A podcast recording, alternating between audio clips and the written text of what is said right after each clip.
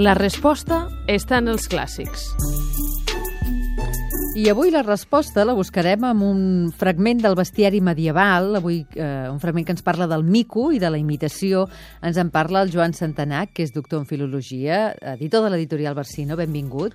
Ben, gràcies. Avui aquests, aquest bestiari que ens fa fer com una lectura ètica i moral d'alguns dels comportaments dels animals en relació a les persones. Exacte. Els bestiaris medievals recullen anècdotes eh, que, en, en què atribueixen a determinats animals comportaments i actituds eh, humanes i després doncs, això ho tradueixen de forma ètica. I avui el mico. Avui el mico, el que ell en diu la, la bugia, se'n diu el simi o la símia. Mm -hmm.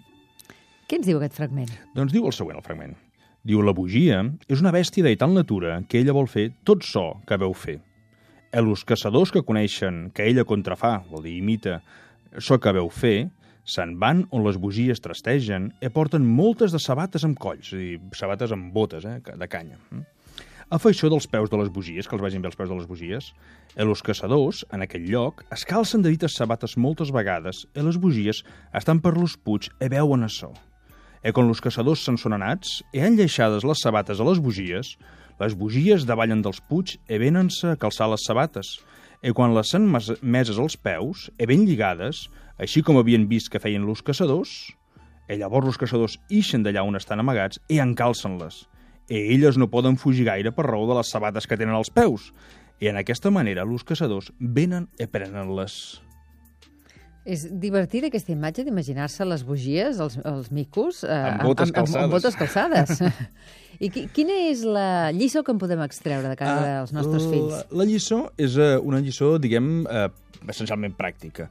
Uh, si als nens els agrada molt imitar coses, hm? i llavors doncs, fan molta gràcia, i, però eh, quan comencem a imitar comportaments d'altres companys, per exemple, eh, i fem coses que no faríem però ho fem perquè ho fan els altres, doncs això, diguem, podem acabar caient en determinats comportaments equivocats i, per tant, hi ha, crec jo, dos, dos elements negatius.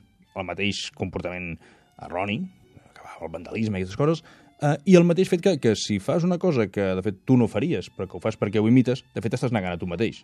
I, per tant, diguem, em sembla que si un vol ser conscient de si mateix i vol eh, això, no dependre excessivament dels altres, doncs la imitació és una mala praxis si no és que vols fer, no sé, dibuixar, per imitar eh, dibuixants pot ser útil per aprendre a dibuixar, però més enllà d'aquesta utilitat eh, didàctica, tinc que la imitació em sembla poc útil. Fora que no siguis un imitador d'aquests que a la llarga acaba sent un imitador professional i que fa riure. Però llavors aquí ja hi ha la càrrega sarcàstica, que hi fas una aportació a la imitació. Si, si aquesta imitació no va més enllà que la mera imitació, doncs diguem, em sembla poc, poc útil i sobretot això, és, és negar-se amb un mateix dir, jo podria fer una altra cosa però faig el que Soc vàlid eh, per mi mateix. On Exacte. ho trobarem això?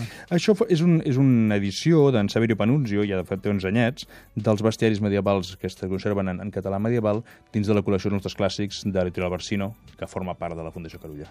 Doncs moltes gràcies, Joan Santanac. A vosaltres.